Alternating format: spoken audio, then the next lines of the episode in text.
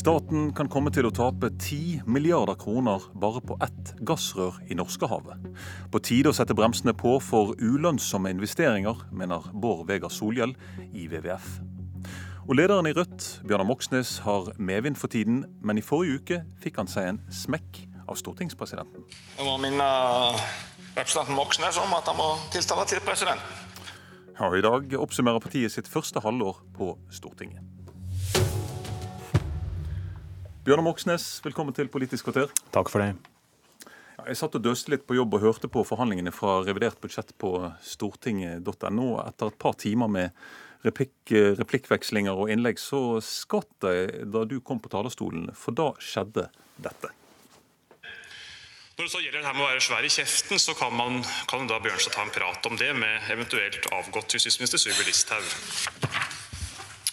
Jeg må minne representanten Moxnes om at han må tiltale til presidenten. Det var litt freidig i språkbruken her, og så fikk du en, eh, ble du tiltalt av stortingspresidenten. Hva var det som skjedde? Nei, Det var en replikkveksling hvor en fra Frp prøvde å ta meg litt. og Så ble jeg litt engasjert og svarte han eh, direkte. eh, Og det er ikke helt sånn man skal på Stortinget. Man skal snakke via presidenten. Så da fikk jeg en liten rettesettelse fra, fra han på det. Riktig. Du har nå også gjennomført ditt første halvår på Stortinget som eneste Rødt-representant. Hvordan har det vært å lære seg kutymen på, eh, i nasjonalforsamlingen? Nei, Det har jo vært eh, en bratt læringskurve på noen punkter. Jeg har blitt veldig flink på å få på meg dressen og slips i, i veldig full fart og løpe til sal for å rekke voteringer. Eh, Men så har vi også, syns jeg, fått til mer vi trodde eh, vi skulle få til med én representant i et storting med et borgerlig eh, flertall i flere saker, som vi sikkert kommer tilbake til. Og så har vi også, tror jeg, erfart at iblant at det er sånn at argumenter teller, men ikke avgjør, ikke minst i debattene vi hadde om, om å kutte i stortingslønna, som Rødt foreslo. Der er ikke engang de andre partiene oppe på talerstolen og argumentere mot forslaget vårt. Så der var det jo ikke engang debatt eh, rundt et viktig spørsmål som jeg tror angår mange der ute. Mm. Vi hørte jo at du viste til avgått eh, justisminister eh, Sylvi Listhaug. Og hun måtte jo gå etter at du fikk flertall for et eh, mistillitsforslag mot henne. Hvordan oppsto dette mistillitsforslaget i partiet Rødt? Nei, Det var eh, lange diskusjoner eh, fram og tilbake i, i partiledelsen om eh, hva vi burde gjøre for å stille Listhaug til ansvar for det hun hadde uttalt. Eh, mange partier, eh, også Rødt, mente jo at eh, Listhaug i realiteten sa at stortingsflertallet satte terroristenes rettigheter over nasjonens eh, sikkerhet, og at det var helt uhørt av en statsråd å anklage stortingsflertallet for det. Og så merka vi jo at det var et enormt trøkk der ute, og et enormt raseri mot Listhaug blant veldig mange mennesker, som vi mente det var eh, riktig å bringe inn på Stortinget for å få eh, bevegelse i saken der, og få stilt henne til ansvar, og ikke minst markere at ett sted så går det en grense for hva du kan si og gjøre som statsråd i Norge. Men Dere fremmet altså dette mistillitsforslaget alene. Eh, Dere fikk ikke med dere opposisjon i selve forslaget. Hvorfor inviterte dere ikke inn de andre partiene? Nei, Vi sonderte jo litt eh, med andre partier, eh, men de var ikke, var ikke helt der at de ønska å fremme et mistillitsforslag. Vi mente at eh, det var det riktige å gjøre, basert på hva Listhaug hadde uttalt, og at det var helt nødvendig å prøve å stanse en sånn statsråd som stadig skyver og flytter på grenser og, og tråkker over grenser. og førte en politikk som eh, kan ha ganske alvorlige konsekvenser for de som blir ramma av, av språkbruken og, og politikken hennes.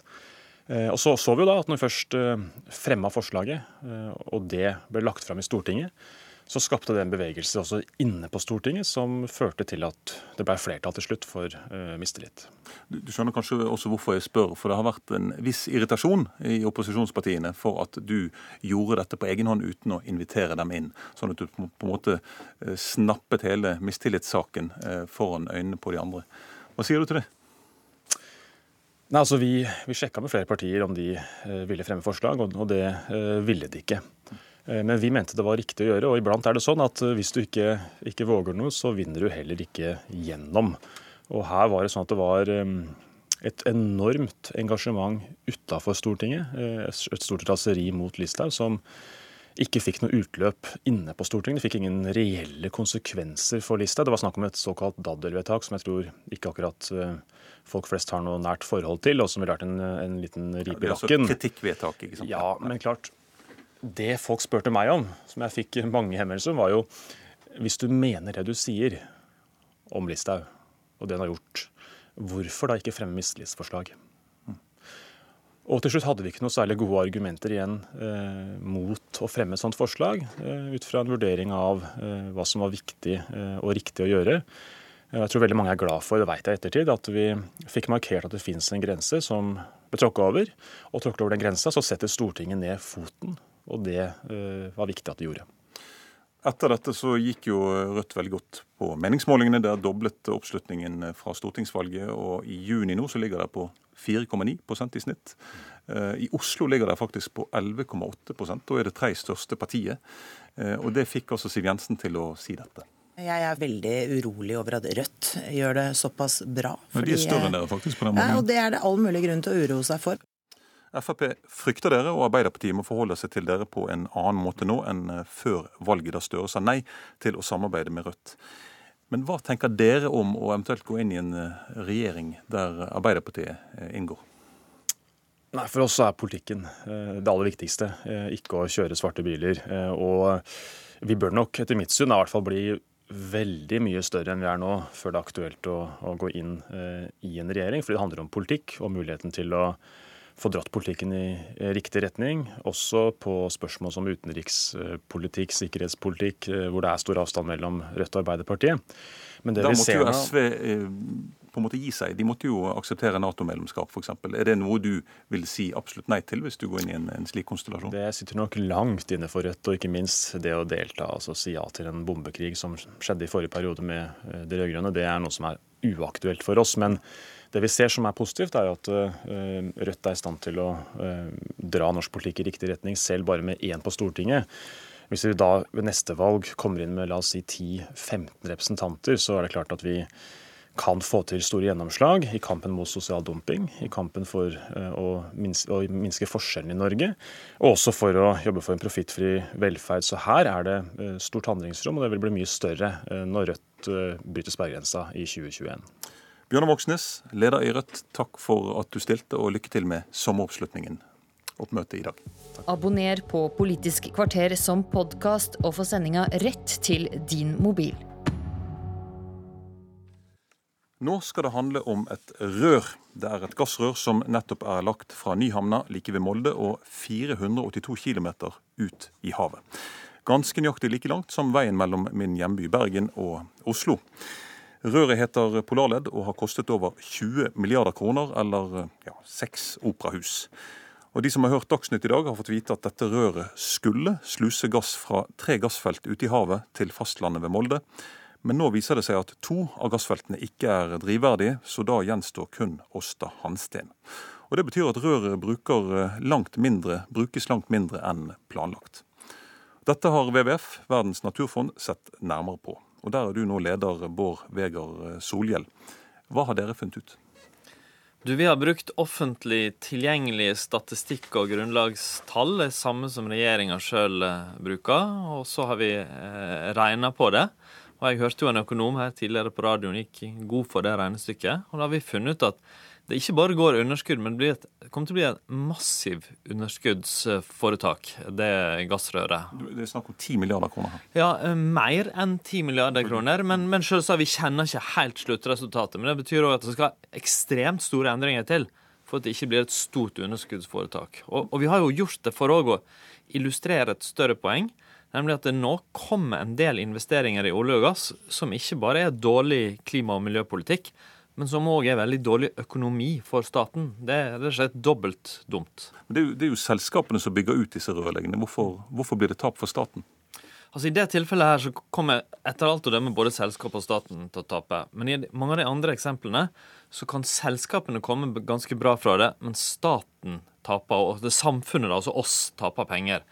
Og Det er fordi vi har et skatteregime, en måte å finansiere på, som gjør at staten tar nesten all risikoen, man har, I den gamle verden så var det store felter, høye priser, og, og, det var viktig at det var veldig gode vilkår for selskapene, for de kunne, så de kunne bygge ut.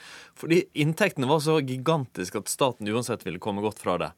Men nå, med lavere olje- og gasspriser, med mye mindre felter, og når vi kjenner til klimautfordringen, eh, og, og tar den mer på alvor, så er det et annet bilde. Og nå er det da en del eh, mindre felter der, der, selskapene er tjent med å bygge ut, for de får så veldig gode vilkår, tar, slipper å ta mye av risikoen. Men så sitter altså samfunnet igjen med en regning og taper penger på det. Mm. Og det er det vi vil til livs. Ikke bare er det dårlig klima- og miljøpolitikk, men vi tenker at vi også, det er viktig for folk å være klar over at det nå kan være dårlig samfunnsøkonomi i en del av de feltene. Ok, Her er det altså to ting. Det ene regnestykket deres, hvor de mener at på dette konkrete prosjektet så taper eh, vi, altså staten Norge, 10 milliarder kroner, uh, ifølge deres utregninger. Og så er det det andre momentet, nemlig at eh, det er staten som tar risikoen ved å bygge ut disse prosjektene. Forbilledlig oppsummering. Riktig. Og Da vil jeg gå til deg, Liv Kari eh, Eskeland. Du eh, sitter på Stortinget i energikomiteen for Høyre. Og Dette regnestykket har vi ikke god nok tid til å behandle skikkelig i Politisk kvarter. Da, da kan jeg anbefale dere å gå inn på nrk.no, hvor det ligger en artikkel om hele regnestykket. Men hvis vi tar det siste momentet som Solhjell bringer på banen her, nemlig at det er staten som tar risikoen ved å eh, bygge ut disse prosjektene. Eh, er det riktig eh, i den situasjonen vi er oppe i nå, Eskeland? Det som er status nå, er at de berekningene som er gjort for Åsta Hansten-feltet, som dette gjelder, de har lagt til grunn at vi får en god avkastning på dette olje- og gassfeltet, eller det er jo i hovedsak gassfeltet, da, som som, som eh, eh, Altså, ja, de berekningene som ligger nå, de gir oss en god avkastning. Så, så da er liksom status for uh, Åsta Hansen-prosjektet og Polarled uh, som, som helhet. Nå, nå, nå, hører du at Solhjell her, og du har jo sett de beregningene som WWF uh, har gjort her, at tvert om at det vil faktisk gå i minus. Få ta litt om regnestykket, da, siden vi, vi må gjennom det. Ja, altså, men altså, jeg må basere meg på det som eh, petroleumsvirksomheten eh, og, og, det som Olje- og energidepartementet legger til grunn. Og De har da regna ut at dette vil eh, gi en lønnsomhet eh, for dette olje- og gassfeltet. Altså, altså Rørledningen kommer til å gå med store tap med det vi i dag vet. Eh, så er det gassfeltet Åsta Hensten det er en mer uklar sak, men hvis man bruker dagens tall, ser at prisene har gått ned, at det er store overskridelser, og regner inn effekten av skattesystemet, så mener vi det er saklig riktig å si at vel, selskapene kan komme brukbart ut av det, men at samfunnet kommer til å tape penger på det. Eh, men det, er, det, viktigste er kanskje at dette er ikke den første saken av sin type. Goliat, Yme, to tidligere felt de siste årene. Og vi har òg en del funn nå som bare så vidt blir bygd ut, eller ikke blir bygd ut fordi lønnsomheten er uklar. Og hvis vi har en situasjon der næringene kan komme godt ut, der de kan investere i og gjøre investeringer de ellers ikke ville gjort, men bare gjør fordi de slipper mye av risikoen, så er det feil for samfunnet. Dårlig økonomi. Da burde vi brukt de pengene bedre på andre ting, i tillegg til at vi kunne spart eh, klimagassutslippene.